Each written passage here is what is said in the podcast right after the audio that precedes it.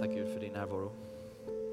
Att vi får igenkänna att du är här. Och, och även om vi inte känner det så vet vi det. Och jag ber att du skulle göra det kännbart, märkbart för var och en som är i det här rummet. Tack Gud att du gör dig tydlig för oss genom din helige Ande. Vi välkomnar dig just nu.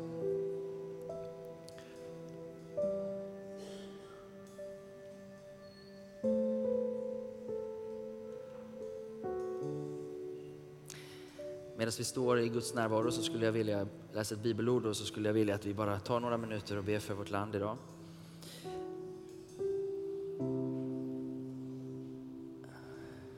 När eh, Josef eh, i Bibeln, eh, i andra, eller i första Mosebok, går mot sitt slut så står det så här i kapitel 50, vers 18, förlåt mig, vers 22.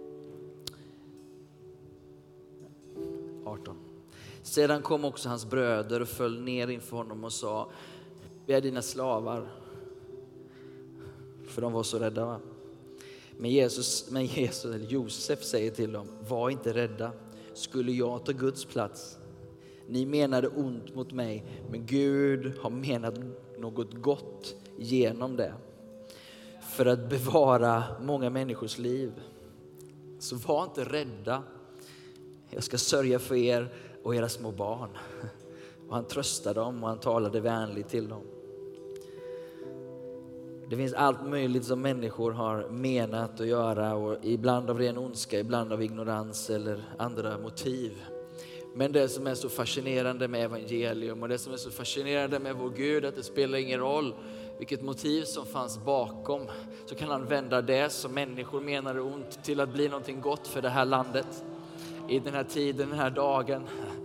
Eh, så var inte rädda tror jag är ett budskap. Det hör vi många gånger, låt inte rädsla styra oss. Och så är det så gott, jag tror att Jesus säger till oss att eh,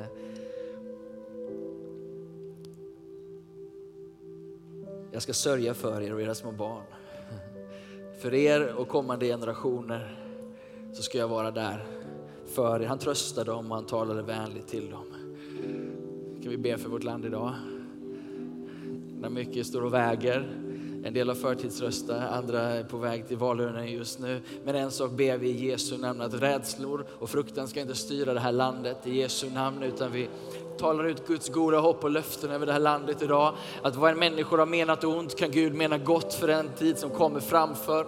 Och vi lägger det här i dina händer, Fader vår i himmelen just nu och vi säger att ditt namn skulle bli helgat, att ditt namn skulle bli upphöjt över tid i vårt land och vi säger att låt ditt rike komma över Sverige och vi säger låt din vilja ske så som den sker i himmelen, så på jorden här. Och vi tackar dig för alla de olika Josefar som finns i vårt land idag som, som bär en kallelse att vända ont till gott, bär en kallelse att, att förvandla vatten till vin, Herre. Vi ber Gud för dem alla Herre. Sänd dem Herre i kraften av din ande över vårt land idag. Vi ber att fruktans ande skulle få tappa sitt grepp på livets ande. Frihet och frid skulle råda över vårt land idag. Frid och frihet inför valet, i valet och efter valet Herre.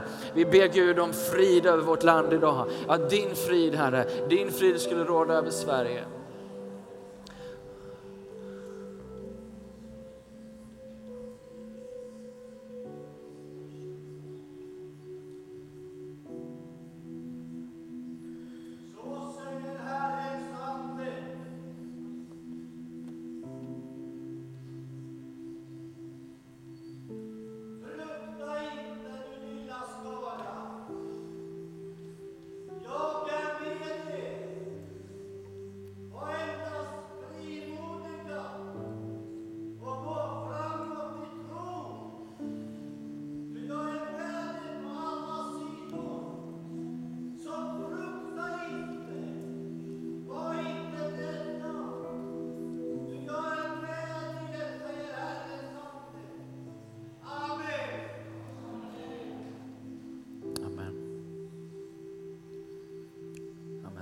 Sant Fader.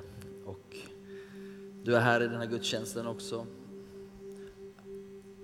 Och nu när vi öppnar ditt ord än en gång så ber vi om din heliga Andes uppenbarelse, ljus över skrifterna. Att det fick tala liv och frid och tro in i våra liv den här dagen. I Jesu namn ber vi. Amen. Amen. Varsågod och, och slå dig ner och tack ska ni ha kära lovsångare. Uh, och alla andra som har varit här och, och tjänat innan på morgonen, tack ska ni ha. Kan vi inte tacka lovsångare och värdar och ljudtekniker och alla andra. Är det så att du vill vara med i och eh, hjälpa till så är det ett fantastiskt sätt att lära känna församlingen på och få bidra. Ehm, du kan prata med Judit eh, som är någonstans. Eh, efteråt i alla fall i receptionen så kan du säga men jag skulle gärna vilja hjälpa till. Stort eller litet, alla är välkomna att vara med och, bidra. Um, på olika sätt. Um, hörni, eh, om du har Bibeln med dig så skulle jag vilja att du bara börjar läsa ett ord som jag läste när jag vaknade idag. Um, och det har på det temat som vi är på. Vi, vi är i en serie och um, där vi går igenom den kristna trons grundpelare utifrån reformationen så som man eh, sammanfattade. Och eh, därför så är vi just nu i, eh, eller vi är i del fyra som är skriften alena, bibeln alena. Och jag ska ta det idag också. Jag var la grunden för två veckor sedan. Ehm, och var du inte här då så ehm, kan du gå in på podden och, och lyssna. Pratar om Bibeln som en ram eller som ett fönster att se ut genom. Jag ska referera till det alldeles strax. Men andra, eller första Petrus brev kapitel 1 och vers 8 läste jag på morgonen idag att honom älskar ni utan att ha sett. Och det är ganska fascinerande att man kan älska någon som man aldrig har sett. Eh, och likväl gör vi det. Och fastän vi ännu inte ser honom, tror ni på honom? Och det är inte så här liksom en liten vag allmän livsåskådning, utan det är en jublande, det är en obeskrivlig himmelsk glädje i det vi inte ser. Ehm, så verkligt är det för de som har mött Jesus. Det är det du märker här i lovsång och tillbedjan och på olika sätt förhoppningsvis. Att det finns en glädje i det här ehm, livet med Jesus. Nu när ni är på väg, säger han i vers 9, um, att nå målet för er tro, era själars frälsning. Och det var denna frälsning.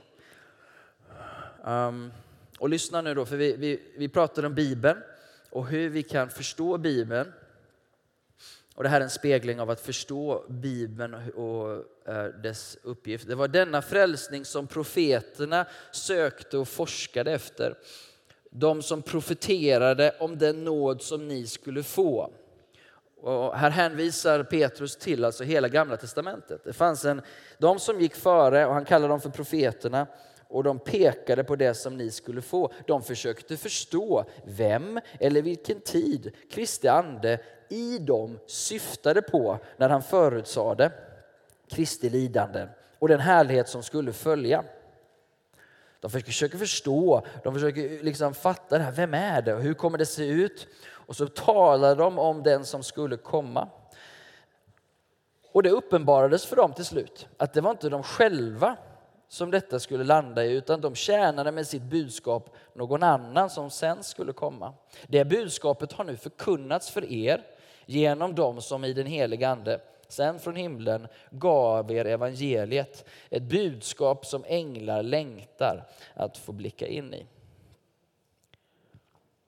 Så detta är Bibelns budskap är den berättelse, och jag sa det förra gången, att du har gamla testamentet och de pekar framåt i tiden och säger snart kommer han, snart kommer han. Och du har det här från de första kapitlen i, Guds, i Bibeln, Guds berättelse. Han säger att det kommer en dag, det kommer en dag, det kommer en dag. Och sen så har du fyra evangelier. Matteus, Markus, Lukas och Johannes som, som beskriver det stora i att Gud blir människa. Där har du möjlighet att själv läsa hur det var och hur de som var nära och beskriver hur det var när Jesus kom. Och sen har du resterande böcker i Nya Testamentet, 25 stycken, som pekar tillbaka. Det var det så här det var. Eh, det var det här vi upplevde. Det här är tillämpningen av det vi såg och hörde. Eh, och detta då syftar till vår räddning. Detta syftar till vår frihet. Ehm, Och jag kan inte komma ifrån att det också blir dagens tema i det vi nu läser, frihet. För för mig så skriften alena handlar om vår frihet. Att det är alena, att det är bara Bibeln, att det är i Bibeln och, Bibeln och i dess berättelse som du och jag har vår frihet. Eh, och på grund av att det som vi säger är Guds ord är så viktigt. Varför är det så viktigt? Jo, därför att det bidrar och leder till vår frihet. Och på grund av att det är så, så är det också under vad man skulle kunna kalla attack eller man skulle kunna ifrågasättande och väldigt hårt granskande. Eh, och man eh, försöker vad man kan för att undergräva detta på olika sätt. Eh, och det skedde från början, om du går till första Mosebok, om du har Bibeln med dig. Och nu tror jag att vi har det på skärmarna. Ehm, och jag läste det här förra veckan, också, eller för två veckor sedan också. Men ehm, vi vet ju det att eh, repetition är vad då? Kunskapens moder. Ehm, så vi är moderlika nu då och så repeterar vi lite och så kanske det kommer fram ett och annat mer. Från första Mosebok kapitel 3, vers 1 läser vi. så nu, Ehm, och du, du som kanske mer har en kritisk hållning till Bibeln så står det här, men ormen var listigare än alla markens djur som Herren hade, hade gjort. Och ormen började prata och då känner du direkt så här, men jag, hur ska det här gå liksom? Jag kan inte lyssna på ormar, det blir liksom bara too much. Och om jag bara kan bara få ge det liksom, men om det här nu inte framförallt handlar om talande djur, utan om det framförallt handlar om Guds berättelse för dig att förstå vem du är, vem Gud är och hur han vill frälsa dig. Ehm, jag vet, det är inte lätt, men, men eh, Åsnan talar i Shrek-filmen också. Liksom. Så jag vet inte, hitta någon väg, du får eh, talande djur här. Poängen är vad som kommer fram, det är det. Och det ska jag också säga att första tre kapitlerna är ju inte en vetenskaplig redogörelse, utan är en berättelse som syftar till frälsning. Ja. Hur som helst, det står så här, ormen är listigare eh, och han talar här och säger det här. Har Gud verkligen sagt? att ni inte får äta av alla träd i lustgården. Har Gud verkligen sagt, och det är min poäng då först, att ordet, Guds ord, det Gud säger ifrågasätts. Och din ärkefiende, eh, fiende, djävulen och eh, ärkefienderna eller hans syskon, lögnen och högmodet. De två direkt angriper oss människor här eh, för att ta vår frihet ifrån oss. Ehm, och det, börjar han med då att undergräva Guds ord. Och då står det så att kvinnan börjar prata med ormen, bara det. Eh, nu är det inte bara ormar som pratar utan människor som pratar med ormar. Ehm, men då säger han, ja, men det är någonting i det du säger, orm, som inte stämmer. För Gud har verkligen inte sagt att vi inte får äta av något eller alla. Det är någonting i det du säger som, som inte stämmer. Vi får faktiskt äta av alla träd. Men det finns ett som vi ska undanhålla oss ifrån, det är frukten på trädet mitt i lustgården och det ska vi inte äta. Gör vi det för då kommer vi att dö. Och då kommer nästa, som jag sa förra gången, då säger ormen tydligt, ni ska visst inte dö. Ett direkt motsatt budskap till det Gud har sagt. Och sen så börjar ormen, fienden, djävulen att undergräva Guds trovärdighet. Men Gud vet att den dagen ni äter av det så kommer era ögon öppnas och sen så kommer den liksom kilen eller det han skjuter in i människans hjärta. Ni blir så som Gud. Och ni ska få kunskap om gott och ont. Och där har du det högmodet och som ligger till grund för all den trasighet som vi sen ser utveckla sig i mänsklighetens historia och som vi fortfarande påverkas av. Det är att vi vill vara vår egen Gud och vi vill göra det på vårt eget sätt. Och Gud säger fine, gör det på ditt sätt och så får ni äta frukten av det sättet. Men vet det här är att jag kommer aldrig någonsin överge er i alla fall. Eh, men det finns den friheten för dig att gå i vilken riktning du vill.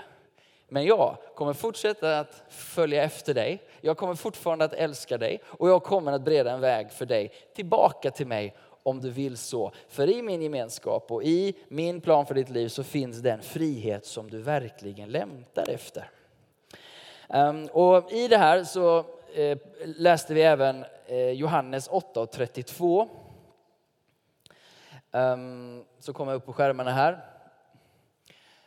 Och det här är då igen vårt förhållningssätt till Bibeln som jag var inne på för två veckor sedan. Men Jesus säger till de judar som hade kommit till tro på honom, om ni förblir i mitt ord är ni verkligen mina lärjungar och ni ska lära känna sanningen.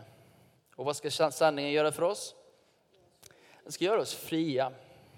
Gud är för din frihet, om man säger ute efter din frihet. Han, han ser ditt sanna tillstånd. Han vet det du kämpar med. Han vet det som håller tag i dig, det som plågar dig, har plågat dig, det som finns i din historia. Och han tänker någonstans, hur ska jag få tag på dig så att jag kan leda dig till frihet? Jag kan bara bjuda in dig att tro på mig, säger Jesus. Och om du tror på mig och blir min lärjunge, förbli mitt ord.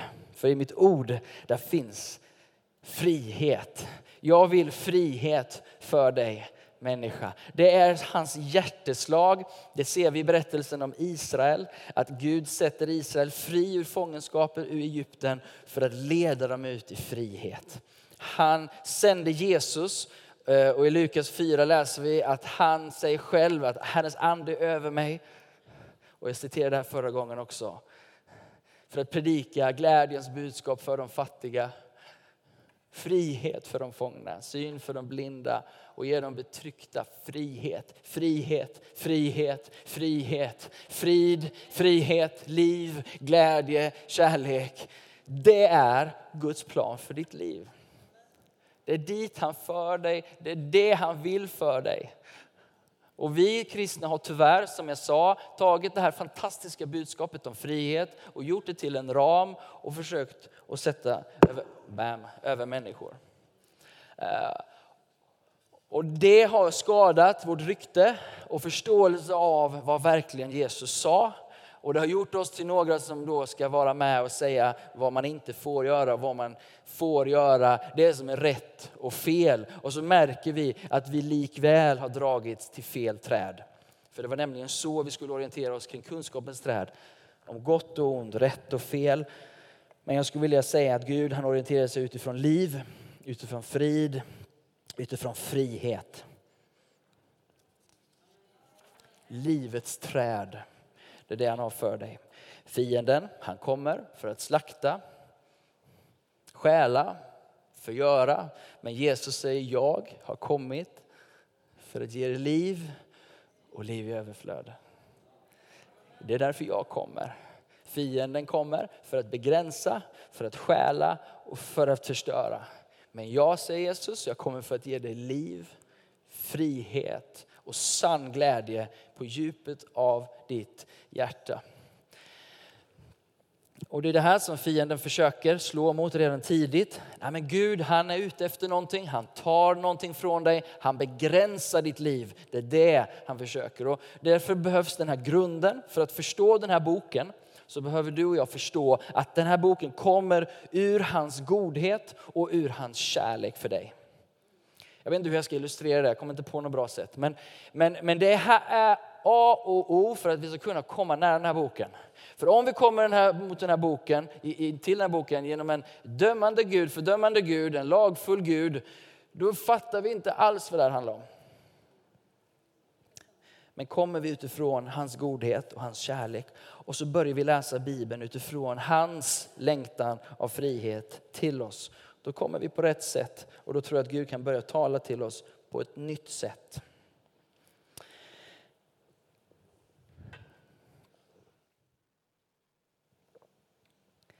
Nu tar jag några andetag här. Um, so help me God. Okay. Om vi då ska applicera den här ramen på någonting och uh, göra, det för, göra det enkelt för oss så, så pratar vi lite om sex och äktenskapet. Bara för att ta något. och jag liksom bara, nej inte det. Jo det, okej, okay. då pratar vi om det. Om du vill använda, om vi ska försöka förstå sex och äktenskapet utifrån Guds tavla, Guds fönster, Guds beskrivning.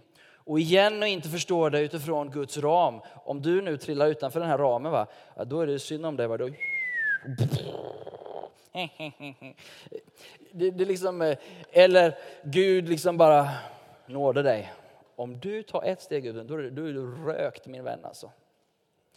Okej, okay, jag skojar lite om det bara för att få lite avslappnade. Det, alltså, eh, om, om vi har ett förhållningssätt till Gud som vår domare primärt och inte vår fader. Han är domare också, men han är vår fader och han älskar oss. Därför kan han döma oss. Därför är jag mer villig att han dömer mig än någon annan, inklusive mig själv.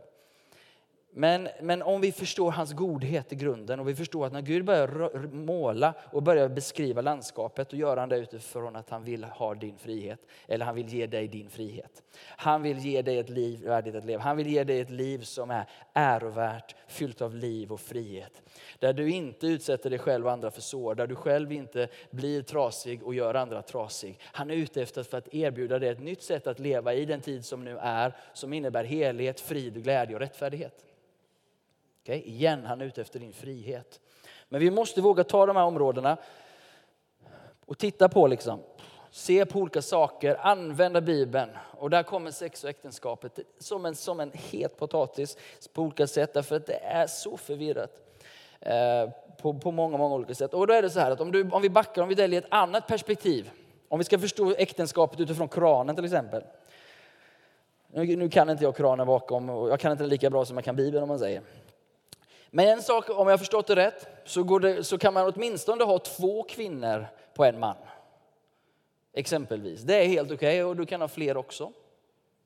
Så ska vi börja beskriva äktenskapet utifrån en annan, som andra håller för helig bok, eh, då får du en viss bild. Aha. Och det finns mer att säga om det. Om du använder Bibeln och Mormons bok och den är lurig därför att den ersätter ju inte Bibeln utan den är ett komplement till Bibeln. Och alla män som är glada är att ha många fruar. Det är ett bra komplement om du vill ha många fruar. För att där kan du uppenbarligen ha ganska många. Du kan välja den ram, du kan välja den ramen om, om det är liksom den vägen du vill gå. Och den här, just den parallellen är ganska intressant. Generellt att ha Bibeln och något annat bredvid. Och det var där reformationen kom upp med detta skriften alena. Därför att traditionen i kyrkan hade vuxit sig lika stark eller starkare än Bibelns tradition. Och då blev kyrkans tradition något som satte sig över Bibeln och då sa reformatorerna, app, app, app. Bibeln alena är det som beskriver Guds frihet på ett riktigt sätt. Det andra kan vara komplementerande på olika sätt, men det får aldrig inskränka på det som finns i den här bilden. Och Det finns många sådana alternativ som vi idag frestas eller kanske väljer på grund av att för stunden så vill vi ha det på ett visst sätt. Vi kan även använda evolutionens bok. Darwins bok eller en, en, en krass materialistisk evolutionär sanning och värdegrund. Då kan du också ha hur många fruar du vill ha. Eller hur många män du vill ha, eller både och. För det som bestämmer i slutänden evolutionärens, evolutionens riktning är ju den som blev bäst, va? eller den som överlevde och fick flest barn och bäst barn. Det var ju det som var mest rätt, eller hur?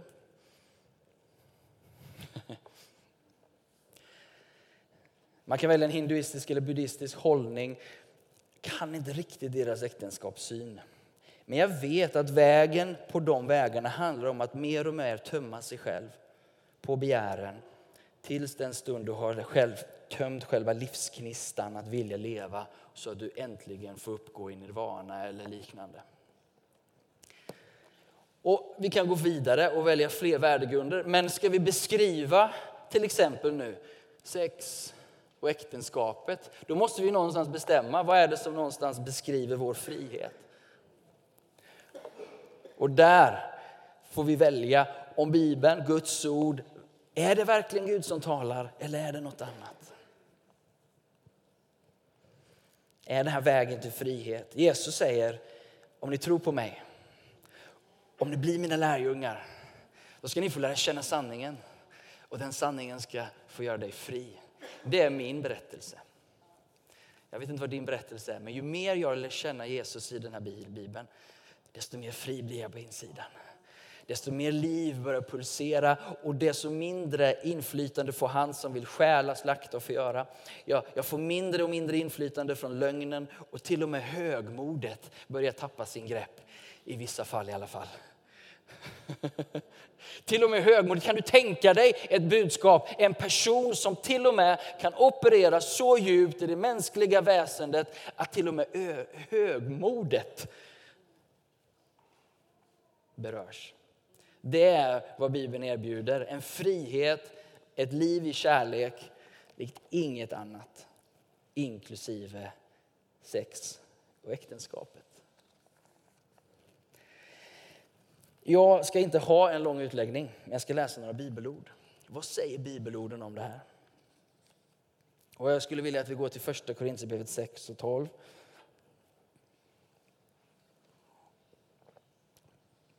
Och jag tycker det här är underbart.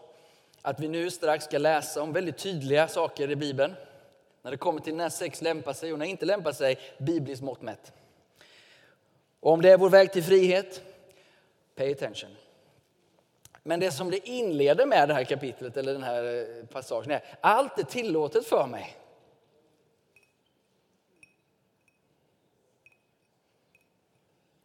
Men allt är inte nyttigt. Och i ett annat kapitel står det, allt är tillåtet för mig, men låt ingenting ta makten över dig. Ja, det står ju där, förlåt mig. Allt är tillåtet för mig, men inget ska låta ta makten över mig. Och så här, maten till för magen och magen för maten. Men Gud ska göra slut på dem båda. Men kroppen är inte till för porneia. Omoral. I de flesta fall i Nya Testamentet så, så står det porneia. Det är ord som vi får pornogra pornografi från. Okay? Så det, det är liksom, bara tydligt. Men kroppen är inte till för porr. Kroppen är inte till för sexuell omoral, utan för Herren. Herren har skapat dig, din kropp, för honom. Så mycket älskade han din kropp att det till och med blev ett med en mänsklig kropp så att han också kunde rädda den mänskliga kroppen. Gud är inte gnostisk i den bemärkelsen att han flyr upp i det överandliga utan han blir människa och tar sig an vårt mänskliga liv. Han uppväcker Jesus och så vidare. Nästa bild. Om vi bläddrar Vet ni inte att era kroppar är delar i Kristi kropp? Ska jag ta delar av Kristi kropp och göra dem till ett med en prostituerads kropp? Verkligen inte. Eller vet ni inte att den som förenar sig med en prostituerad blir en enda kropp med henne? Det heter det två ska bli ett kött. Men den som är förenad med Herren är en ande med honom. Det är väldigt mycket teologi här som kommer fram, vad som sker i sex, vad som sker när två människor blir ett i sex. Det är någonting som förenas. Det är inte bara två kroppar som möts. Det är något mer som händer här. Igen, biblisk väg till frihet. Gå vidare. Fly you fool. Fly din dåre. Han liksom bara, förstår ni, det här är laddat grabbar och tjejer, män och kvinnor. Det är någonting i det här som inte är att leka med enligt honom. Han menar och uppmanar oss att fly. Han menar oss och uppmanar oss att det här är ingenting som leder till frihet. Kommer vi tillbaka på skärmen. All annan synd som en människa begår är utanför kroppen, men den som den sexuellt omoraliska syndar mot sin egen kropp. Vad är det som man säger? Det är någonting som sker mot dig själv. Du skadar dig själv. Du bryter ner dig själv. Vi pratar inte här, liksom, det, det pratas inför Gud, för vi lever inför Gud, men vi förstår självskadegrejen i det här. Eller vet ni inte att er kropp är ett tempel, för nu ska också den helige Ande bo i er som ni fått av Gud. Ni tillhör inte er själva, ni är köpta till ett högt pris. Ära då Gud med er kropp. Som sagt, Gud blev människa, Gud blev ett med kött och blod för att rädda ditt kött och blod. Och därför så är ditt kött och blod heligt inför Gud. Det är heligt vad du gör med din kropp, hur du sköter din kropp, om du, om du tar hand om den, vad du äter, hur du dricker, hur du tar hand om den här kroppen. Det är viktigt för Gud, för han blev kropp för att frälsa kroppen. Det är viktigt hur du hanterar din sexualitet, det är viktigt för Gud. Det har en gudstjänst i sig, det har en tillbedjan i sig, hur vi äter, hur vi lever, hur vi tränar och hur vi tar hand om vårt välmående. Inklusive vår sexualitet. Är det okej okay så långt eller? Eh, är du här och är första gången och tänker att eh, det här var mycket på en gång så vill jag jättegärna prata med dig om du vill. Um, om det är svårt. Jag kanske tar för mycket för självklart. Medveten om att jag är i min egen bubbla lite. Eh, men om det är svårt att förstå min bubbla, så om du vill prata så gör jag gärna det. Så här står det vidare, när det gäller det ni skrev i, i kapitel 7. Nu. Det är visserligen bra för en man att inte röra en kvinna, men för att undvika sexuella synder ska varje man ha sin hustru och varje hustru sin man. Punkt. Vi går vidare till Hebreerbrevet 13 och 4.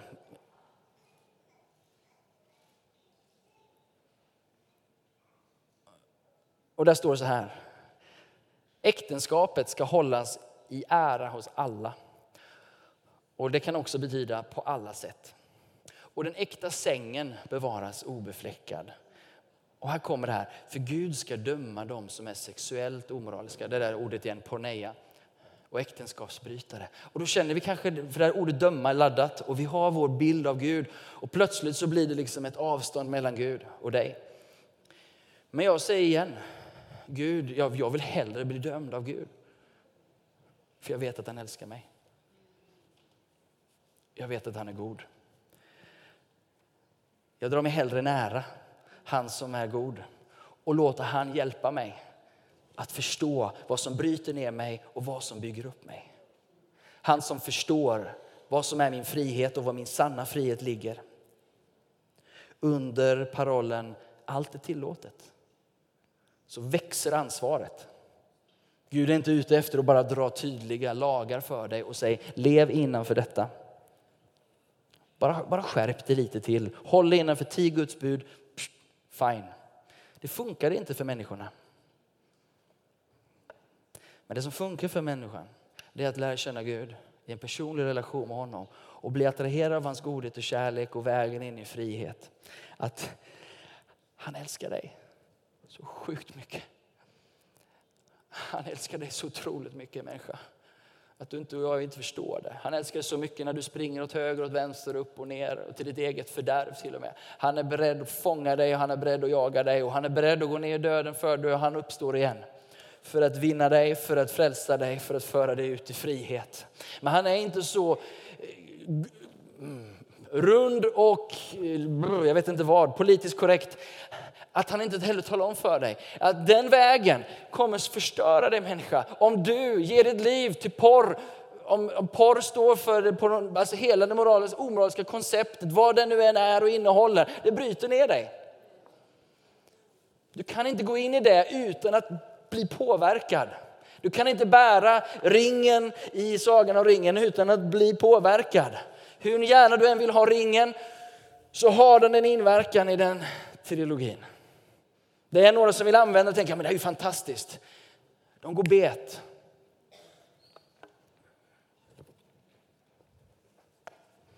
Jesus säger om du tror på mig, om du vill följa mig så ska jag låta dig lära känna sanningen.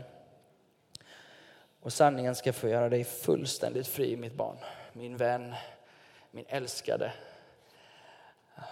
Jag ska föra dig tillbaka till livets träd jag förstår att dragningskraften in i kunskapens träd är stor för oss alla, men det finns ett annat sätt att leva och orientera sig. Utifrån frihet, utifrån liv, utifrån det som är sant.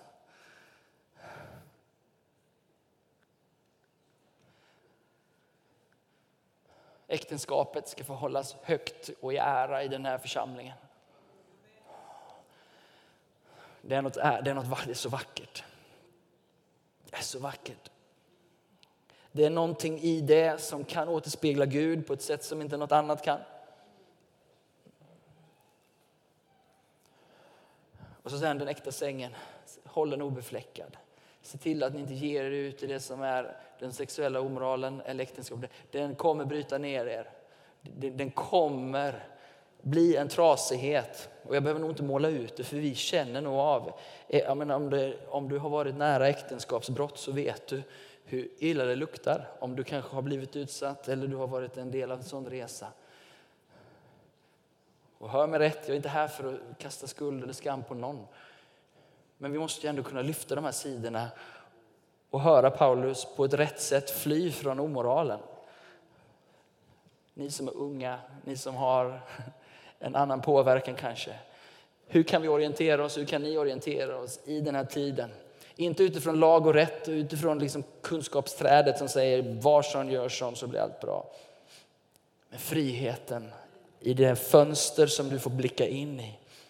Det finns något älskvärt och hedervärt i äktenskapet mellan man och kvinna som Gud målar upp. Sen om du vill ta Bibeln och lägga andra texter, andra värderingar bredvid och måla en annan bild så är ju du helt fri att göra det. Eller hur? Varje människa har fått den friheten och måla din egen ram. Allt är tillåtet, säger jag. Men allt är definitivt inte nyttigt i längden och ingenting bör få ta makten över oss. Men så långt jag förstår det och så långt jag läser Bibeln så kan jag inte måla någon annan bild av äktenskapet än just det som vi läser här. Men läs Bibeln för dig själv. Och jag skulle vilja uppmuntra citygrupper som kanske det här är nära. Ta de här bibeltexterna och läs. Och utifrån frihet se vad är det Gud säger och vad är det han inte säger. Hur målar han bilden och hur målar han inte bilden? Han är ute efter din frihet. Eh, Lovsångare, vill ni komma? Han är ute efter din frihet. Oh och dagens slutsats är skriften alena, Bibeln alena är din väg till fullständig frihet.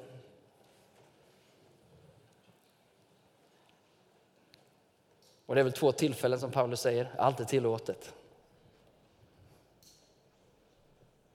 Stort ansvar just där.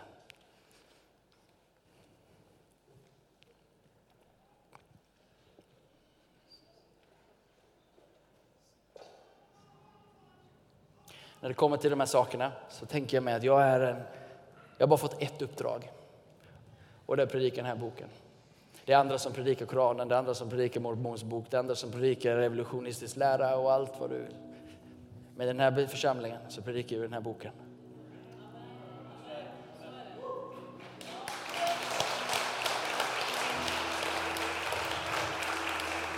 Och vi vill göra det i all kärlek och i all ödmjukhet. Vi har inte alla svar, men vi känner han som har det. Och vi har mött honom. Och jag har lärt känna sanningen och sanningen har satt mig fri. That's my story.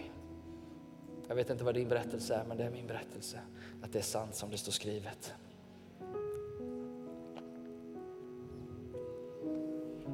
Och ju mer jag har släppt in honom och ju mer jag har släppt in sanning i mitt liv, desto friare har jag fått uppleva att jag är. Jag skulle vilja bjuda in dig till att lära känna honom som kan sätta dig verkligt fri. Är du här idag och du har inte fått möta honom, Gud, um, eller blivit, att, han har blivit, att Gud har blivit framställd på ett sånt sätt så att du har bara känt att det här blir bara en box, det här blir fel, det här blir skav. Men idag kanske fått en liten annan bild. Du kanske till och med är uppvuxen i kyrkan, men kom och få möt med honom som är din frihet. Kom och få möte med honom som älskar dig så mycket att han var beredd att bli människa, dö och uppstå igen. Kom och möt med honom och lär känna honom. Han älskar dig verkligen. Vi kommer ha förbönsplats här på min vänstra sida. Eh, det betyder en plats för dig att gensvara om du vill. Eh, ibland behövs det hjälp, ibland behöver vi hjälpa varandra och stödja varandra. Kanske också så att vi har några kunskapsord. Are you all born again? Yeah, you have salvation. Put it back. Don't remove it. Put it back. Put it back. Put it back. Put, put the meaning of salvation back. Now, you see that? Salvation. You have received salvation. Salvation. Everyone stand up on your feet and watch this.